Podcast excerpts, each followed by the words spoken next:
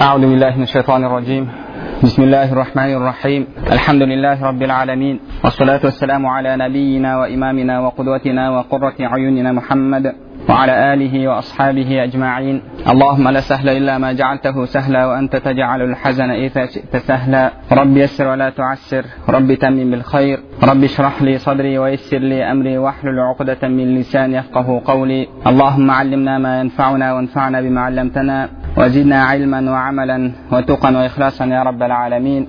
أما بعد السلام عليكم ورحمة الله وبركاته. بغني إن شاء الله الله سبحانه وتعالى قال من إمام أبو جعفر الطحاوي رحمه الله تن لا تحويه الجهات الست كسائر المبتدعات. الله سبحانه وتعالى باشقا جارات قمتغان داي التطرف taraf يعني الله سبحانه وتعالى алты тараптан да пәк деген сөзіне қатысты иншалла шархымызды жалғастырамыз имам абу джафар тахауи рахмаулла алла субханала тағала бір тарапта болудан пәк деп жатыр неге себебі бұл жерде алла субханала тағаланы мекеннен заманнан пәктеу алла субханала тағала имам абу джафар тахауи рахмаулла айтқандай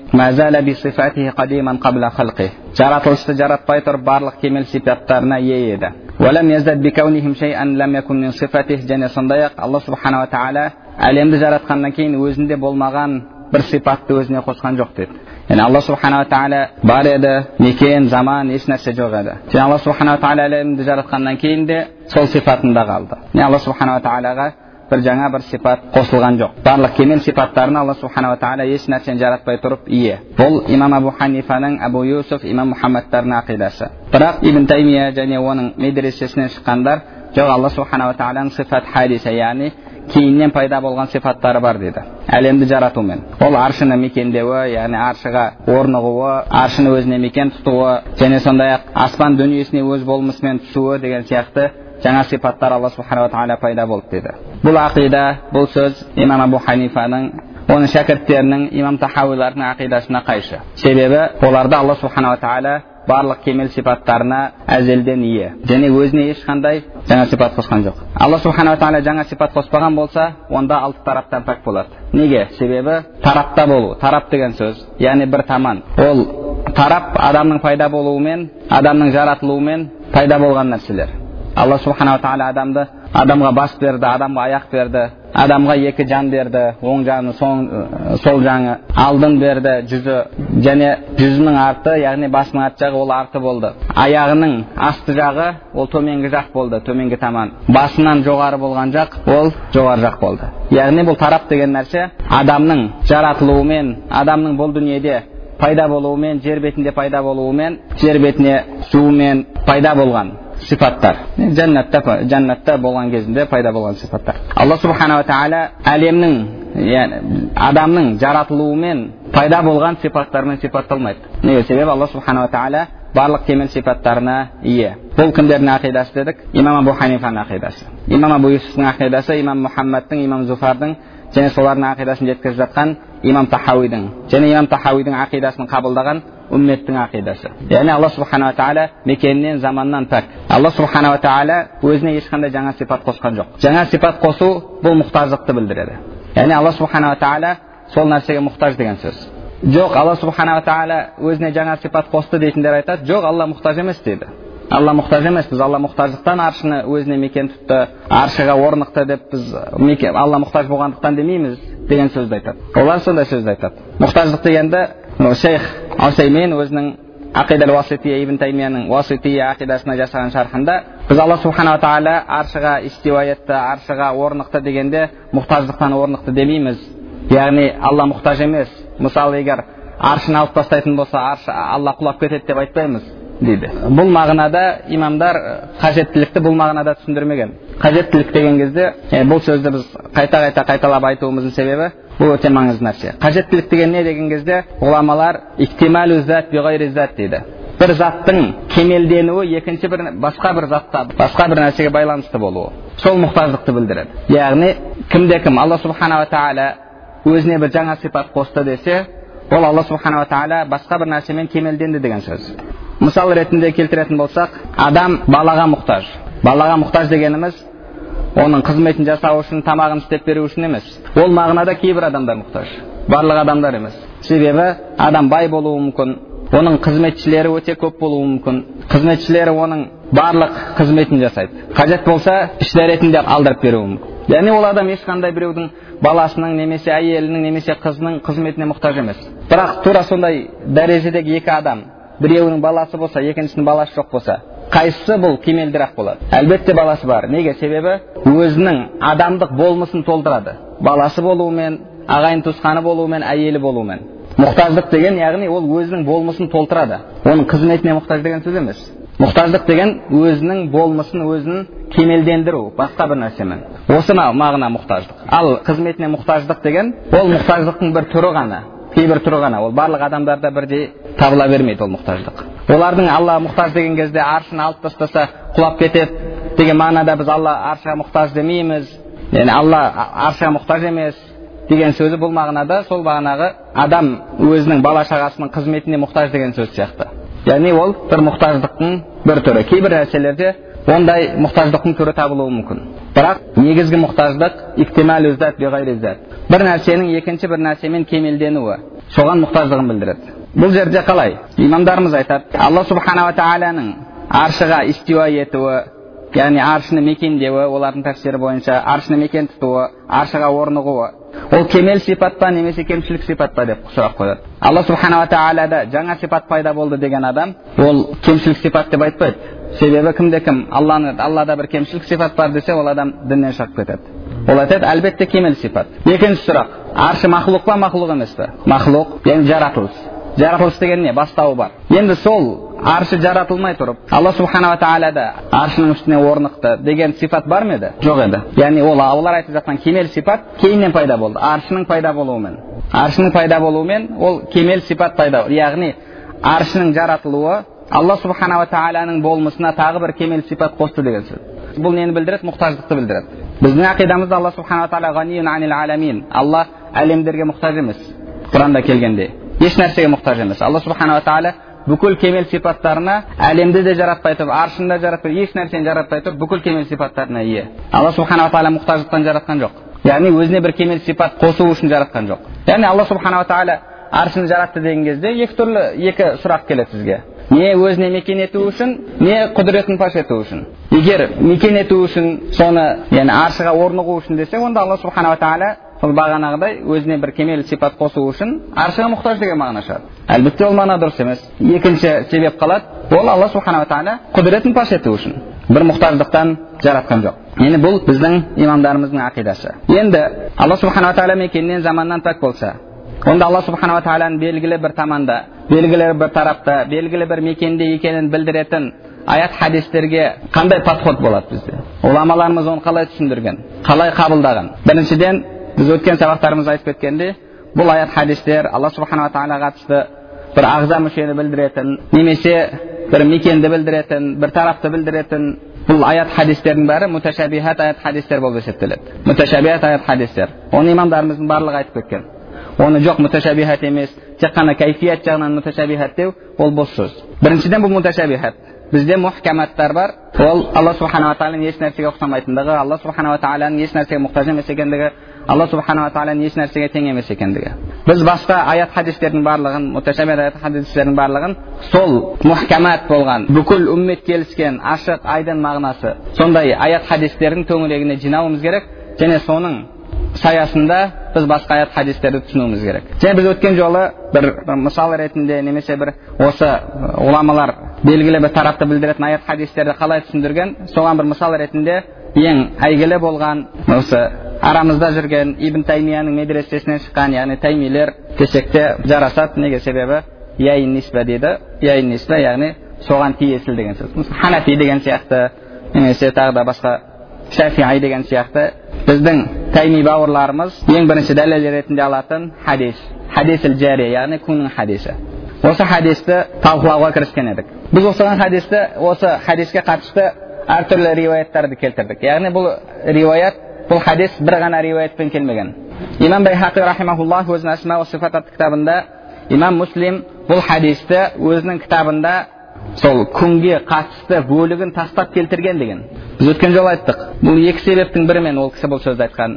Не ол кісінің қолындағы кітапта сол күнге қатысты бөлігі болмаған немесе хадис толық болу үшін кейіннен имам муслимнің кітабына бір имам муслимнен кітабын риуаят етушілердің бірі қосқан. Екеуінің біреуі. Және имам байхақи және мен ол бөлігін соның төңірегінде ихтилаф көп болғандықтан муауия ибн хакам пайғамбарымыз саллаллаху алейхи уассалам раббың қайда деп сұрады деген сөзіне қатысты ихтилафтың көптігінен ол басқа да риуаяттармен келгендіктен яғни бұл тартысты мәселе болғандықтан бұл бөлігін мен тастап кетті деп ойлаймын деген имам байхақидің сөзін келтіргенбіз бұл хадис егер толығымен алатын болсақ толығымен келген кезде бұл муауия ибн хакамнан келеді ол кісі айтады намаз оқып тұрған еді адамдар мен келдім біреу түс көрді мен оған аллах дедім сонымен яғни намазда тұрып ол кісі намазда тұрып екінші біреуге аллах деді сонда жанындағылар көзін алартып қарайды бұл кісі айтады не болды бұлар маған неге бүйтіп қарап жатыр яғни арабтардың айтатын сөзі яғни маған бір өкініш болсын неге бұлар бүйтіп қарап жатыр деп намазда тұрып сөйлей бастайды жанындағылар санын ұра бастайды қой деп намаз біткеннен кейін дейді пайғамбарымыз саллаллаху алейхи уассалам ата анам фида болсын ол кісідей мұғалімді ол кісідей кішіпейіл ол кісідей жұмсақ адамды көрген емеспін маған мен ұрысқан да жоқ маған сөккен де жоқ тек қана бұл намаз намазда ешқандай артық сөз жоқ ол тәсбих тәкбир қиraa бұдан басқа еш нәрсе жоқ деді одан кейін пайғамбарымыз саллаллаху алейхи сұрақ қояды біз алдан талшыларға баратын едік дейді пайғамбарымыз саллаллаху бармаңдар дейді одан кейін ырым жайында сұрайды бір адам жүрегінде бір нәрсені ырымданып қалады яғни бір нәрсені көріп содан бір ырымданып қалады пайғамбарымыз саллаллаху алейхи ол ырымы оны сол істі істеуден тоспасын дейді ол істі тоспасын дейді одан кейін барып менің күңім бар еді деп хадисті бастайды яғни имам байхақидің айтып жатқаны бұл бөлігін қалдырып кетті деген яғни алдыңғыларын айтып келгенде осы жеріне келгенде тоқтаған бұл имам байхақидің қолындағы нұсқада біз имам байхақидің осы сөзін келтіріп кеткен едік яғни ихтилафтың бір себебі бір риуаяттарда ол күңнің сахау немесе мылқау екені келген оны имам байхақи рахимауллах өзінің әс кубра атты кітабында келтіреді мен өткен жолы айтып кеттім біреулер сұрады ол қандай хадис сіз хадисті оқымадыңыз деп сол хадисті иншалла оқып кетесіз имам байхақи рахмаулла өзінің кубра атты кітабында яғни мұлхау қызды егер иманға ишарат жасаса және намаз оқыса азат ету бабы деген бап арнайды сол бапта келтіреді ахбарана бізге хабар бер дейді де әбу али рузбари оған хабар берген әбу бәкір ибн даса оған хабар берген әбу дауд оған хабар берген ибрахим ибн яқуб әл джузжани оған хабар берген язид ибн харун ол әл масудиден ол аун ибн абдуллахтан ол абдулла ибн утбадан ол абу хурайра радиаллаху анхудан анна раджулан ата набия саллаллаху алейхи вассалам би жарияtin сауда бір кісі пайғамбарымыз саллаллаху алейхи вассаламға қара күң алып келді деді фақала я расулаллах я расулаллах инна алейя рақабати мумина менің мойнымда мұсылман күң азат ету бар деді فقال لها أين الله пайғамбарымыз саллаллаху алейhi оған أين الله деп сұрақ қойды деді алла қайда деп فأشارت إلى السماء аспанға ишарат жасады деді بإصبعها яғни саусағымен аспанға ишарат жасады деді فقال لها من أنا мен кіммін деп сұрақ қойды فأشارت إلى النبي صلى الله عليه وسلم وإلى السماء تعني أنت رسول الله пайғамбарымыз саллаллаху алейхи вассаламға ишарат жасады және аспанға ишарат жасады деді яғни сен алланың елшісің дегенді мақсатта тұтып тұр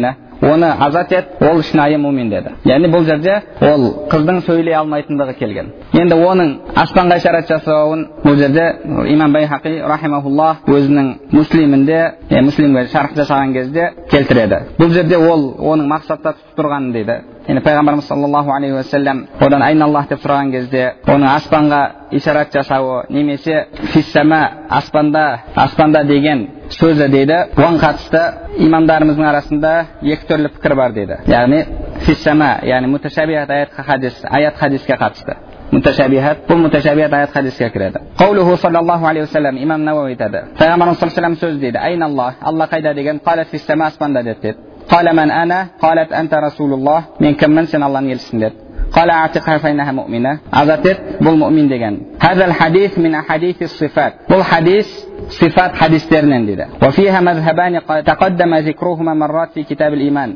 وأن قد يكتر لمذهب بر أحدهما برنس الإيمان به من غير خوض في معناه مع اعتقاد أن الله تعالى ليس كمثله شيء وتنزيهه عن سمات المخلوقات. برنس وألغان إيمان جلترو حديث إيمان جلترو ma'nasына үңілмеу және алла субханала тағала еш нәрсеге ұқсамайды алла жаратылысқа тән сипаттардан пәк деген сенімде болу дейді яғни басқа бір жерлерде осыған ұқсас хадистерде имам науауи алла субханала тағаланы бір таманда бір тарапта болудан белгілі бір мекенде болудан пәктей отыра бұған иман келтіру дейді біз өткен сабағымызда айтып кеткенбіз әхлі жама ғұламалары алла субханала тағала егер фиссама деген кезде сипат мағынасында айтса алланың яд уәжі айн деген сипаттар бар дегендей бірақ ол әхлі сүнна жама ғұламаларында ағза мүше қол яғни шынайы қол мағынасында емес сол сияқты фиссама деген алланың сипаты бар алланың сипаты бар десе бірақ мекенді мақсатта тұтпаса белгілі бір тарапты мақсатта тұтпаса онда ол дұрыс дейді яғни бұл жерде тафуид жасау мағынасын аллаға тапсыру және алла субханала тағаланы ұқсастықтан пәктеу екінші мазхаб дейді өзіне жараса өзіне лайықты етіп тәуил жасау дейді енді кім екінші мазхабты ұстанған болса ол айтты дейді كان المراد امتحانها هل هي موحدة تقر بأن الخالق المدبر الفعال هو الله وحده пайғамбарымыз саллаллаху алейхи вассаламның бұл жерде оны имтихан етуі еді дейді яғни ә, сынаққа алуы еді дейді ол алланы бір деп білушіден бе жаратушы игеруші тек қана жалғыз алла субханала тағала деп біледі ме және إذا دعاه الداعي استقبل السماء كما إذا صلى المصلي استقبل القبلة قبلة және сондай ақ ол яғни құдайы кім жердегі бұттар ма немесе оған дұға жасаса адам аспанға қарайтын және оған намаз оқыса қыблаға қарайтын құдайға яғни алла субханала тағала иман келтіреді ме деп сынау еді дейді яғни адам алла субханала тағаладан сұраған кезде аспанға қолын көтереді. Намаз оқыған кезде қыблаға қарайды. Имам науауи айтады. Бұл алла субханала тағала аспанмен шектеулі деген емес дейді. Шектеулі болғандықтан емес. Және алла субханала тағала кәба тарапта да шектеулі емес деді яғни адам кәбаға қарап намаз оқыған кезде алла субханала тағала кәба тарапта деген сөз емес немесе кәбада деген сөз емес сол сияқты аспанға қолын көтеріп дұға жасаған кезде де алла субханала тағала аспанмен шектеулі деген емес деді сөзін жалғастыра айтады себебі аспан дұға етушілердің қыбыласы дейді кәба намаз оқушылардың қыбыласы болғандай немесе ол күн бұттарға жердегі бұттарға ибадат жасаушы құлшылық жасаушылардан ба деп пайғамбарымыз саллаллаху алейхи сынады дейді فلما قالت في السماء علم أنها موحدة وليست عابدة للأوثان аспанда деген кезде ол алла субхана тағаланы бір деп білушілерден бұттарға табынушылардан емес екенін білді дейді сол нәрсе мәлім болды дейді яғни бұл фиссама дегенге қатысты ғұламаларымыздың арасында екі түрлі ұстаным бар деді біріншісінің өзі фиссама деген кезде де ол жерде алла субханала тағаланың мекеннен заманнан пәктей отыра сол сөз келгендіктен де мысалы яд уәжи айн деген сөздер келгендей алла субханала тағаланы сол сипатпен сипаттау. Енді бұл жерде имам муслим бұл хадисте имам байхақи айтқандай күннің қиссасын келтірмеді деді. Одан басқа қиссаны келтірді. Одан алдыңғы қисса негізгісі намаздың ішінде сөйлемеу соған қатысты қисса имам муслим рахимахуллах егер кімде кім ол кісінің кітабын ашып осы хадисті іздемекші болса қай баптан іздейді қай баптан таба алады қай бапта келген китаб иман иман кітабында келеді немесе китабу салада келеді ма намаз кітабында келеді ма оны егер бір адам хадисті іздеп көрмекші болса оны китабу сала намаз кітабының ішінде бәб тахримил калам фи сала намазда сөйлеудің харамдығы бабында келтіреді е намазда сөйлеудің харамдығы бабында келтіреді яғни бап былай аталады тахримил калам фи сала яғни намазда сөйлеудің харамдығы және мубахтығының яғни намазда алдын сөйлеу рұқсат етілген соның мансух болғандығы бабы дейді яғни үкімі жойылғандығы бабы имам муслимнің өзі де рахимахулла бұл хадисті китабул иман иман кітабында келтірген жоқ және сол хадисті алып алла субханала тағаланың аспанда екендігі бабы деген ешқандай бап келтірген жоқ бұл хадис егер адам іздейтін болса намазда сөйлеудің харамдығы бабында келеді яғни бұл ескертулерді біз өткен сабақта жасамаған едік сол үшін де қазір қысқаша осы хадиске бірінші тоқтап кетіп жатыр одан кейін иншалла өткенде біз айтқан имам әбу ханифаның сөзіне келеміз иншалла тағы бір мәселе жақында жігіттер сөзге келіп қалған бір жақ айтқан яғни ибн таймия медресесін ұстанушылар сендер раббыларың қайда екенін білмейсіңдер пайғамбарымыз саллаллаху алейхи вассалам күн фиссама деп жауап берген кезде пайғамбарымыз саллаллаху оны бұл иман келтірген деп куәлік берді деді пайғамбарымыз саллаллаху алдында фиссама алла аспанда деген кезде пайғамбарымыз саллаллаху оны иқрар қылды деді оны дұрыс деп білді дейді біздің раббымыз аспанда деді екінші жақ сұрақ қояды фиссама араб тілінде тікелей мағынасы ішінде деген сөзі фи деген негізі ішінде деген мағынаны білдіреді сонда сен алла субханала тағала аспанның ішінде демексің ба деді фиссама яғни аспанның ішінде деген тікелей мағынасы ал сен алла субханала пайғамбарымыз саллаллаху хадисінде келген фиссама яғни сен алла субханала тағала аспанның ішінде деп айтпақшысың ба деді әлгі жігіт айтады ой сен жәһіл екенсің деді сен надан екенсің сен араб тілін білмейді екенсің араб тілінде фи деген сөз пайғамбар хадисінде келген фиссама аспан аспанда деген яғни фи деген сөз араб тілінде аля деген мағынада келеді дейді аля деген бір нәрсенің үстінде дегенді білдіреді мысалы айтады фил мадраса шәкірт мектепте фил мадраса фи фи деген яғни медресенің ішінде деген сөз негізінде араб тілінде фи деген негізгі мағынасы бір нәрсенің ішінде дегенді білдіреді енді аля деген мағына үстінде деген мысалы айтамыз қазір әл китабу аля кітап үстелдің үстінде аля аля деген сөз үстінде дегенді білдіреді әлгі жігіт айтады ой сен араб тілін білмейді екенсің ғой ол фи деген аля деген мағынада келеді біз алла субханала тағала аспанның ішінде демейміз аспанның үстінде дейміз дейді яғни жеті қабат аспан болатын болса жеті қабат аспан біткеннен кейін аршы аршының үстінде алла субханала тағала деп айтамыз дейді бұл жерде оның берген жауабы фи деген сөз яғни бір нәрсенің ішінде дегенді білдіретін сөз аля деген мағынада келеді деді үстінде деген мағынада келеді біз сол мағынасын да аламыз дейді оған дәлел ретінде құрандағы аятты келтіреді құрандағы аятта фирауын сиқыршыларға айтады олар иман келтіргеннен кейін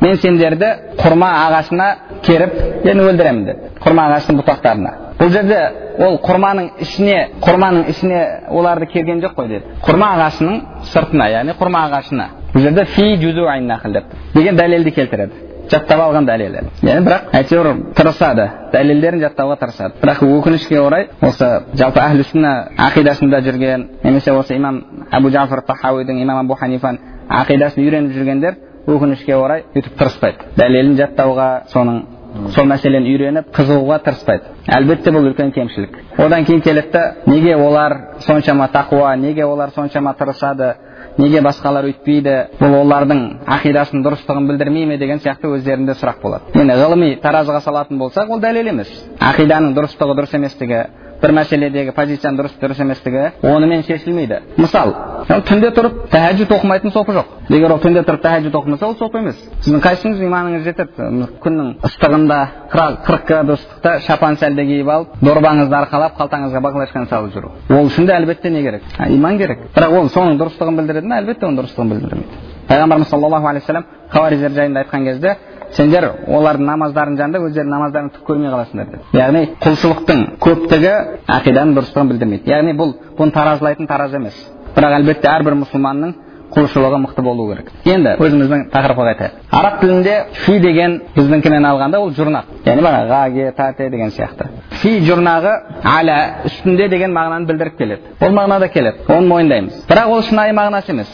Негізгі шынайы мағынасы емес. Бұл мәжази яғни балама немесе ауыспа мағынасы негізгі шынайы мағынасы емес менің қолымда қазір әл жанаддани фи хуруфил маани имам әл хасан ибн қасим әл муради үлкен бұрын алдын өткен тіл ғұламаларынан сол кісі фи хуруфил маани яғни әріптерге қатысты хуруф деген әріп әріптердің қай жерлерде қандай мағынада келеді не мағынада келеді соның бәрін жинаған және мағыналарын келтірген кітабы бар тіл ғалымы әл жанаддани фи хуруфил маани атты кітабы сол кітабында фи бабына тоқталады харфу жар дейді бұл харфу жар дейді харфу жар дегені яғни араб тілін оқығандар біледі харфу жар өзінен кейінгі сөзді касралы айтады мысалы әл мадраса егер фині қоятын болса фил мадрасати болады біреу келіп фил мадрасату немесе фил мадрасата десе ол адам араб тілін білмейтін адам харфу жар деді яғни өзінен кейінгіні кәсіралы етеді оның тоғыз мағынасы бар дейді фи сөзінің әл әуәл ал зарфия біріншісі ал зарфия зарфия яғни бір нәрсенің ішінде деген сөз бір нәрсенің ішін білдіреді зарф мысалы араб тілінде зарф деп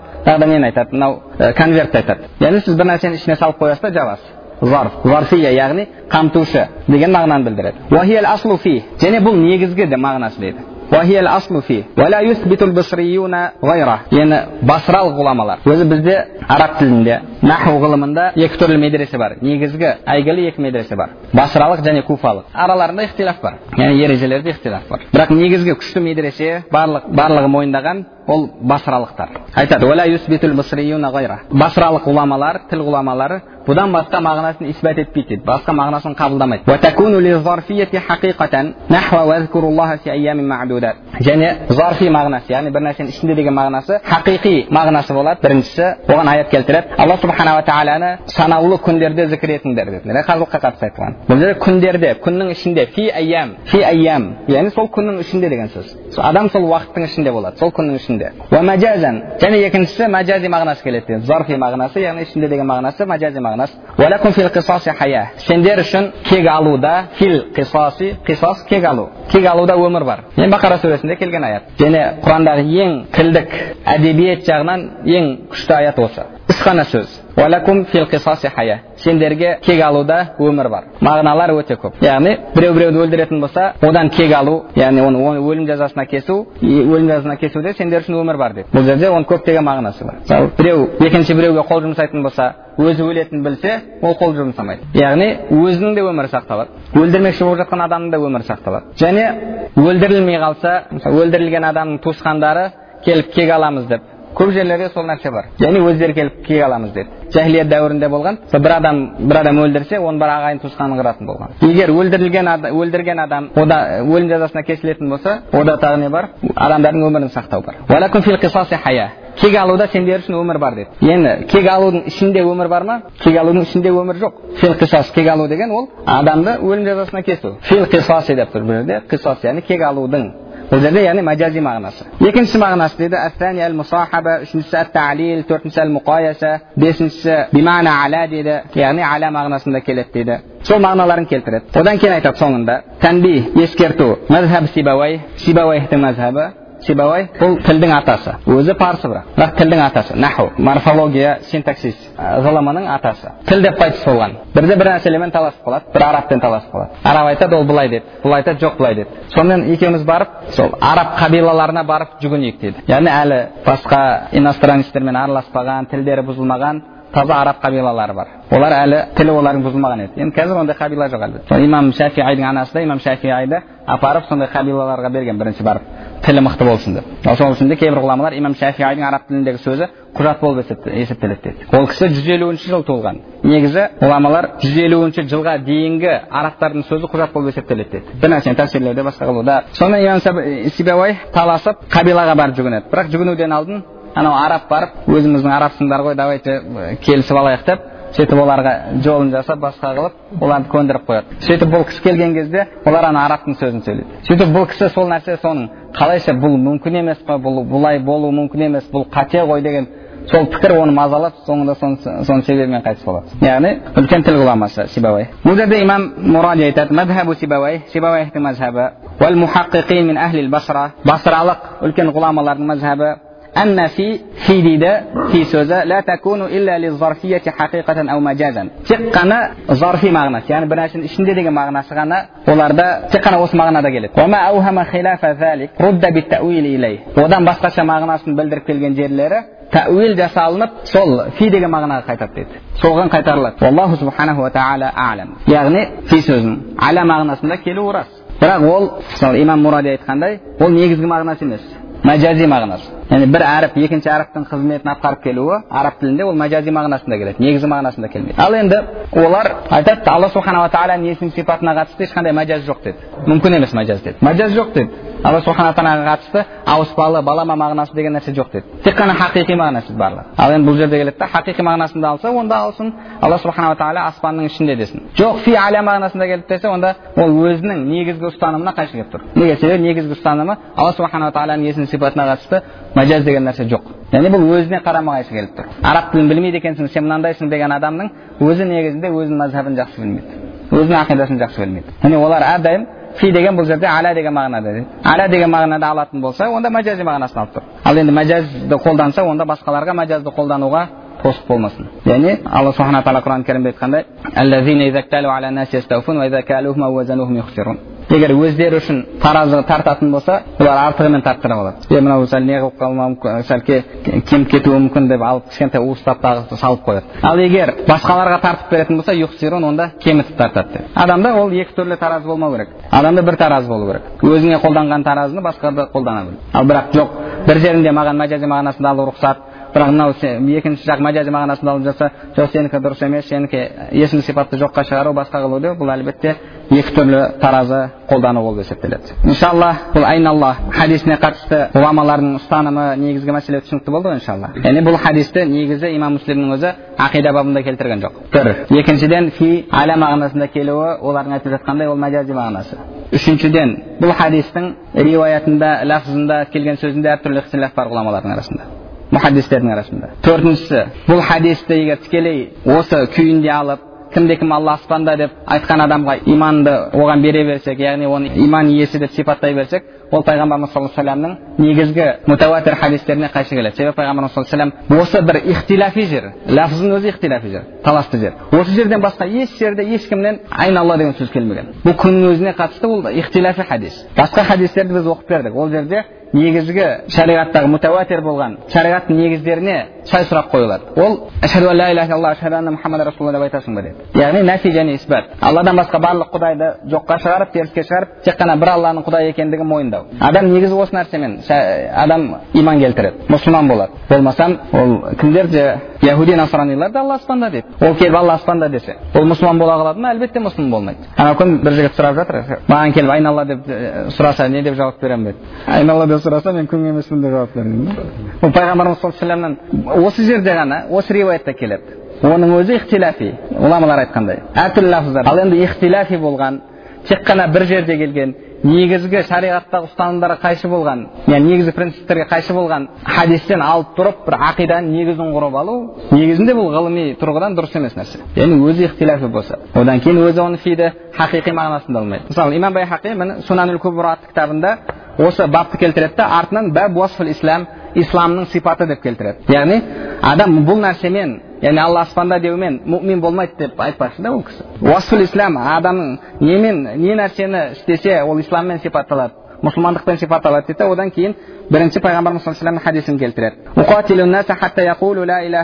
адамдармен ла иляха илlallah дегенше күресемін деді көптеген хадистерде мен адамдармен ашхаду ла иляха расулалла дегенше күресемін деді пайғамбар саллаллаху барлық патшаларға да хат жіберген кезде ла иляха илlallah туфлиху ла иляха илlallah деңдер құтыласыңдар деді яғни ла иляха илlallah деңдер оған амал етіңдер деді ол әлбетте анау бізде кейбір бауырларымыз шығып алып ла иляха илlallah ла иляха илlallah деп ана бізде жүреді ғой кейде әлбетте бұл мағынада емес енді оларды енді ар жағын амалға шақырады ғой. Яғни негізгі бізде мутауатир болған исламның принципі ол адам екі шахадатты айтумен дінге кіреді. Басқа жол жоқ. Ол намаз оқи салумен дінге кірмейді.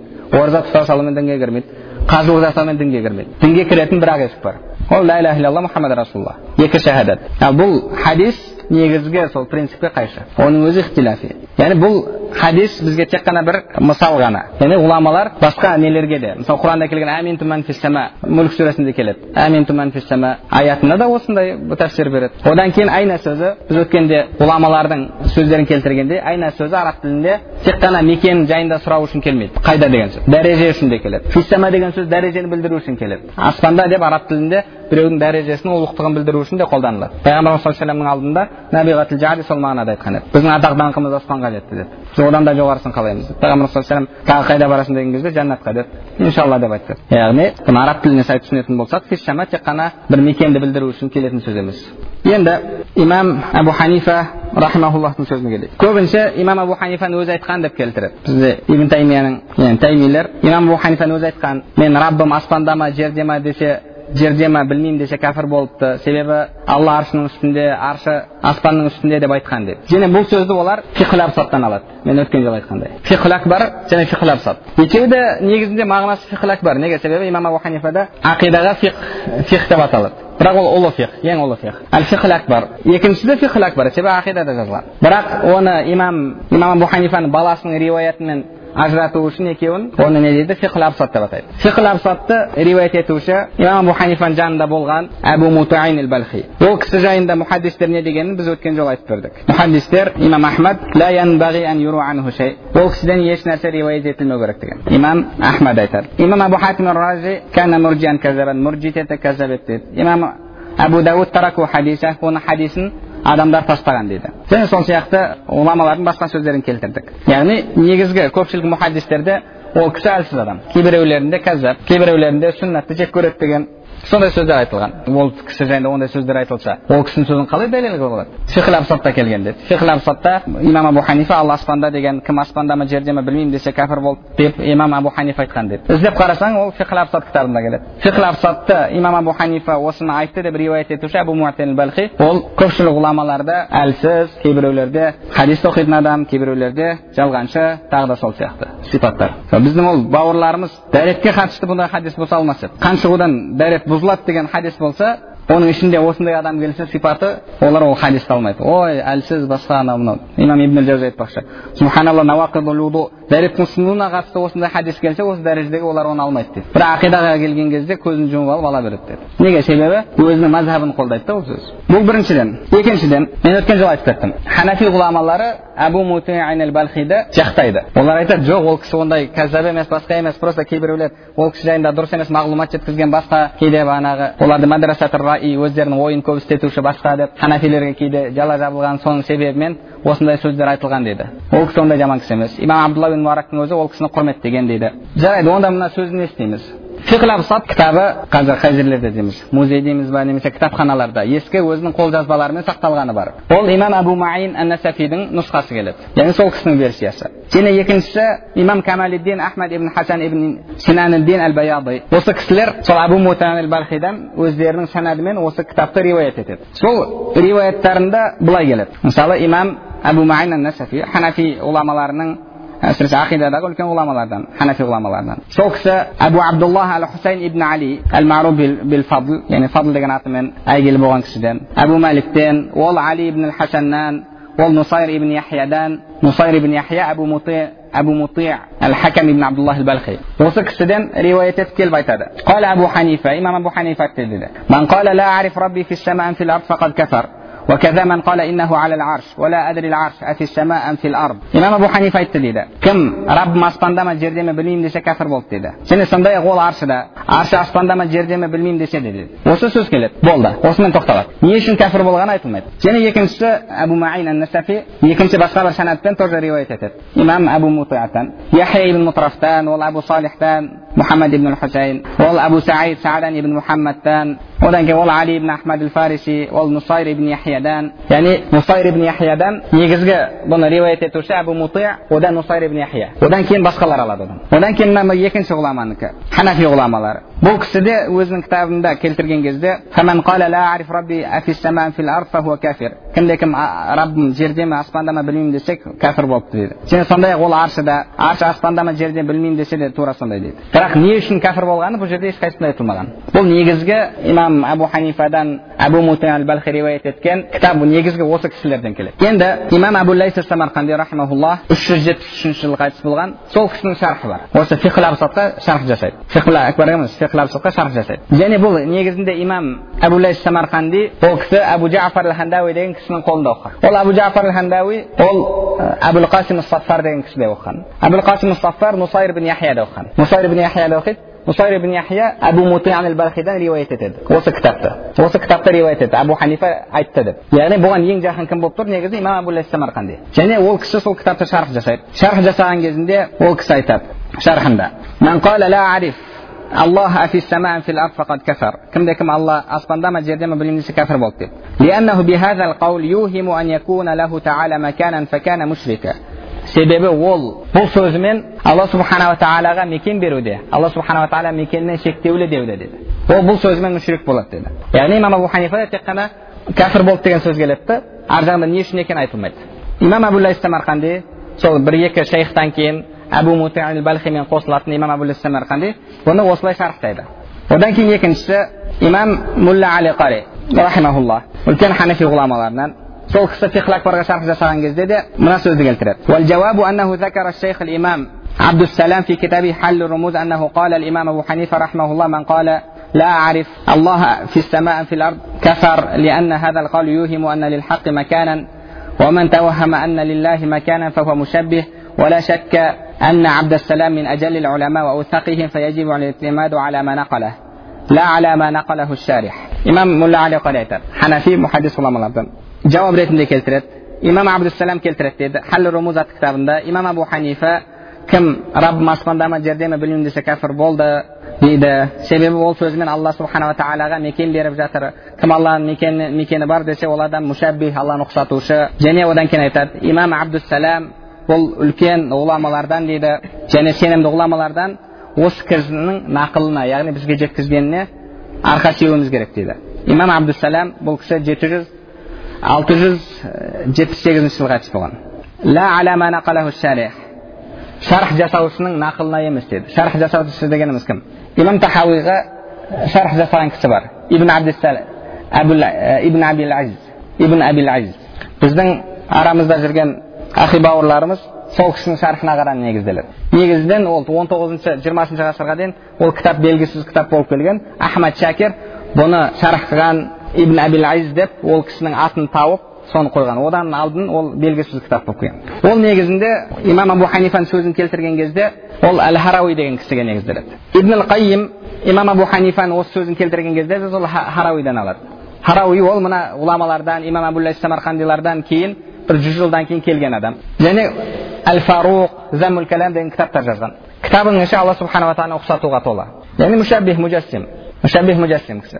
Кітабының ішінде келетіндерден сөздерден кітабында келетін сөздерден алла субханала тағала тосылыңдар немесе иіліңдер немесе бүгіліңдер мен сендерге басамын деп тауларға айтты деді аяғымды қоямын деп сонда таулардың бәрі көкірегін көтерді деді тек қана тур ғана кішіпейілділік қылып басын иді деді және алла субханала тағала тур тауына аяғын қойды деді яғни ішінде келетін сөздерден ішінде тағы да келетін нәрселерден кітабында әлгі кітабында алла субханала тағала аршыға отырған кезде дейді алланың ауырлығынан аршы сықырлайды деді. Яғни мысалы сіз орындыққа басқаға отыратын болсаңыз сіздің ауырлығыңыздан сықырлайды. Сол сияқты аршы сықырлайды деген сөзді келтіреді. Сол сияқты яғни алла субханала тағала ұқсатуға толы кітап тола кітап. Әл харауи деген муджассим. Сол имам абу ханифаның сөзін алады да артынан кім алла аспанда ма жерде ме білмеймін деген сөзге себебі ол алланың аспанда екендігін мойындамауда аршыда екендігін аршы аспанның үстінде екенін мойындамауда деген сөзді осы кісі қосқан негізгі сөзді осы кісі қосқан және ибн қайым өзінің кітабында сол харауи арқылы келтіреді имам абу ханифа айтқан деп біздегілер де соны алады негізінде тексеріп қарамайды а сол әбу мутан балхиға үш шейхпен жалғасып жатқан имам абу самарқанди негізгі сенімді нұсқалар оларда бұл сөз жоқ тек қана білмеймін деген сөз келеді білмеймін десе кәпір болды деген келеді оны шарх жасаушы имам абу самарқанди әбу самарқанди кім дедік әбу жафар оқыған ол әбул қасим сафарда ол нусайр ибн яхияда нусайр ибн яхия әбу мутан балхидан риуаят етеді сол кісі шархында да ол бұл сөзімен алла субханала тағала мекен беруде дейді яғни негізгі себебі ол жақта жазылмаған одан кейін имам абу ханифа рахимахулла сол фихл абсат кітабында айтады тағы да фихл абсат кітабында кімден кім ашып көретін болса ішінде мынандай сөз келеді егер алла қайда деп сұралса дейді имам абу ханифа айтады кімнің риуаяты бұл әбу мутан балхи алла қайда деп сұралса деді фақала имам абу ханифа айтады оған айтылады деді жауап ретінде алла бар еді ешқандай мекен деген нәрсе жоқ еді деді алла бар еді ешқандай мекен деген нәрсе жоқ еді алла субханала тағала бар еді мекен деген нәрсе жоқ еді аспан жер әлі жаратылмаған еді жаратылыс алла бар еді және айна деген нәрсе жоқ еді деді айна деген қайда қайда деген сұрақ жоқ еді неге себебі мекен деген нәрсе жоқ еді уәла халық ешқандай жаратылыс та жоқ еді уәла шәй еш нәрсе жоқ еді және ол бүкіл жаратылысты жаратушы деді яғни бұл жерде имам абу ханифа алла субханала тағаланы пәктеп тұр жарайды әбу мутан балхида олар алсын негізінде олар біз тек қана сахихқа ереміз дейді бұны алуларына болмайды негізгі ережелеріне сай келеді бірақ мен бағана айтып кеткендей бұл ереже тек қана басқа қарсыластарға қарсы қолдануға керек өзімізге өзіне қатысты болған кезде оны қолдана бермейді неге себебі бағана айтып кеткендей фи аля мағынасында келуі мәжази мағынасы мәжази мағынасында алады да басқаларға мәжази мағынасында алу сендерге харам әбу балхидан оны кәззап деп жатса одан алады да алғанда да жарайды ол бір кітап мына ана жерін алдың ба мына жерінде алсайшы мына жерінде алла субханала тағала бар еді еш нәрсе жоқ еді деді имам абу ханифа уасият кітабында уасия кітабында имам мулла али қари фихл акбарды шарықтап жатқан кезінде уасия кітабын имам абу ханифа өлімнен алдын соңғы жазғандарынан деді ішінде айтады алла субханала тағала аршыға истиуа етті деді бірақ ешқандай мұқтажсыздық не мұқтаждық не екенін бағана түсіндіріп кеткенбіз ешқандай мұқтаждықсыз алла субханала тағаланың қажеттілігі болған жоқ мұқтаж болған жоқ және мен ғайр истиқрар деді және ешқандай орнығу иелену мекендеу деген нәрсе жоқ деді одан кейін сөздің жалғасында айтады егер алла субханала тағала аршыны аршыға орныққанда аршыны өзіне мекен тұтқанда онда аршы жаратылмай тұрып қайда еді дейді ол имам абу ханифаның сөзі ол жерде ол мынау кәззаб анау мынау деген нәрсе жоқ уасия сенімді жолмен келген субханалла алла субхана тағала құран кәрімде кітаптың біреуіне иман келтіріп екінші біреуіне күфірлік келтіресіңдер ме деді сол яхудилер пайғамбарымыз саллаллаху келген кезде кітаптарында не жазылған деген кезде жаза қолдану жайында бізде былай деген деп бүйтіп қолдарын созып тұрған еді да жауып тұрған көрмесін деп имам абу ханифа мына сөзді айтты дейді бір, бір бет ашатын болса екінші бетінде имам абу ханифа мына сөзі келіп тұр жарайды әбу мутан балхидан алайық енді бір кітап емес па неге енді оның жартысын аламыз да жартысын алмаймыз әбу мутан балхиді ханафилермен келісіп жоқ ол сенімді кісі сендер әшейін оған жала жауып жатсыңдар деп келісейік сөйтейік те алайық енді алғаннан кейін толық алу керек қой имам абу ханифаның басқа сенімді жолдармен келген кітаптарын да бірге алу керек неге оны кесіп монтаждаймыз бұл мұсылман адамға негізі лайық нәрсе емес ол. Мына жерінде мәжаз маған рұқсат саған рұқсат емес. Мына жерінде бұдан мен алам тек қана осы жерін алам екінші жерін алмаймын. Бұл екі таразы да. Мынау ханафи ғұламалары ол кісіні дұрыс деп алған кезінде негізгі сенімдік нұсқаларында не үшін кәпір болғанын келмеген. Оны әлгі харауия келтіреді муджассим. Біздегі ахилар содан риуаят етеді. яғни одан оны риуаят ететін болса онда бағанағы алла субханала тағала турды тур тауына аяғын қойды басқа таулар тәкаппарлық жасады дегенді риуаят ету керек. Фиқл акбар кітабында имам абу ханифа алла субханала тағала шектеулерден пәк жисімнен пәк деген сөзі келеді. Алла субханала тағала жисім емес. Алла субханала тағала шектеулерден пәк деген сөз келеді. Негізгі ихтилаф осы яғни осы бір сөз егер соған келісетін болсақ басқа нәрсенің барлығы шешіледі. Алла субханала тағала шектеулерден пәк па пәк емес па имам абу ханифада имам абу джафар тахавиларда алла субханала тағала шектеулерден пәк шектеулерден пәк дегені яғни алла субханала тағала діни емес деген сөз одан кейін болды я айн қол аяқ жүз деген сөздер де бұлар жисми мағынасында болмайды алла субханала тағала мекеннен де пәк болады яғни соның бәрі бір осы нәрсенің өзі соның бәрін шешеді бірақ олар алла субханала тағала шектеулі деді бірақ біз шегін білмейміз деді кейбір ғұламалары жоқ біз шегін білеміз аш жағынан деді яғни имам абу ханифадан бұл сөз негізгі мұхаддистердің мазhabын ұстанатын болсақ сенімді жолмен келмеген жоқ біз ханафи ретінде ол кісі жақсы кісі деп алатын болсақ онда ол жерде алла аспанда болған үшін алланың аспанда екендігін мойындамаған үшін ол адам кәпір болады деген сөз келмеген және сол кітаптың ішінде имам абу ханифаның мына екінші сөзі келеді кән аллаху алла бар еді мекен заман деген нәрсе жоқ еді яғни имам абу ханифадан имам абу ханифа осылай деп айтқан десе енді бір жерде естісеңіздер айтыңыздар жалғандаңыз ондай сөз келмеген имам абу ханифадан имам абу ханифадан кім алланың алла болмысымен аршының үстінде алла болмысымен аспанда деген адам кәпір болды деген сөз имам абу ханифадан келмеген имам абу ханифадан келгені кім раббым аспанда ма жерде ме білмеймін десе кәпір болды деген сөз келген оның шархын ханафи ғұламалары ол бұл сөзімен аллаға мекен беруде деді. Аллаға мекен беруде. Мысалы имам мұхаммад жахид кәусари айтады. Алла субханала тағала аспанда ма жерде ма? деген сөзімен дейді адам яғни бұл алла мекенде болуы мүмкін деген бірінші ода бірінші негіз пайда болады одан кейін ол негіз сол негізге негізделіп жерде ме аспанда ма деп мекенін іздейді дейді одан кейін ол мекенін іздей бастайды дейді ол аспанда болуы мүмкін не жерде болуы мүмкін деген ал ақида бабында айтады дейді яғни алла субханала тағалаға қатысты былай болуы мүмкін былай болуы мүмкін деп алланы лайық емес нәрсемен сипаттайтын болсақ яғни мүмкін деген сөздің өзі негізінде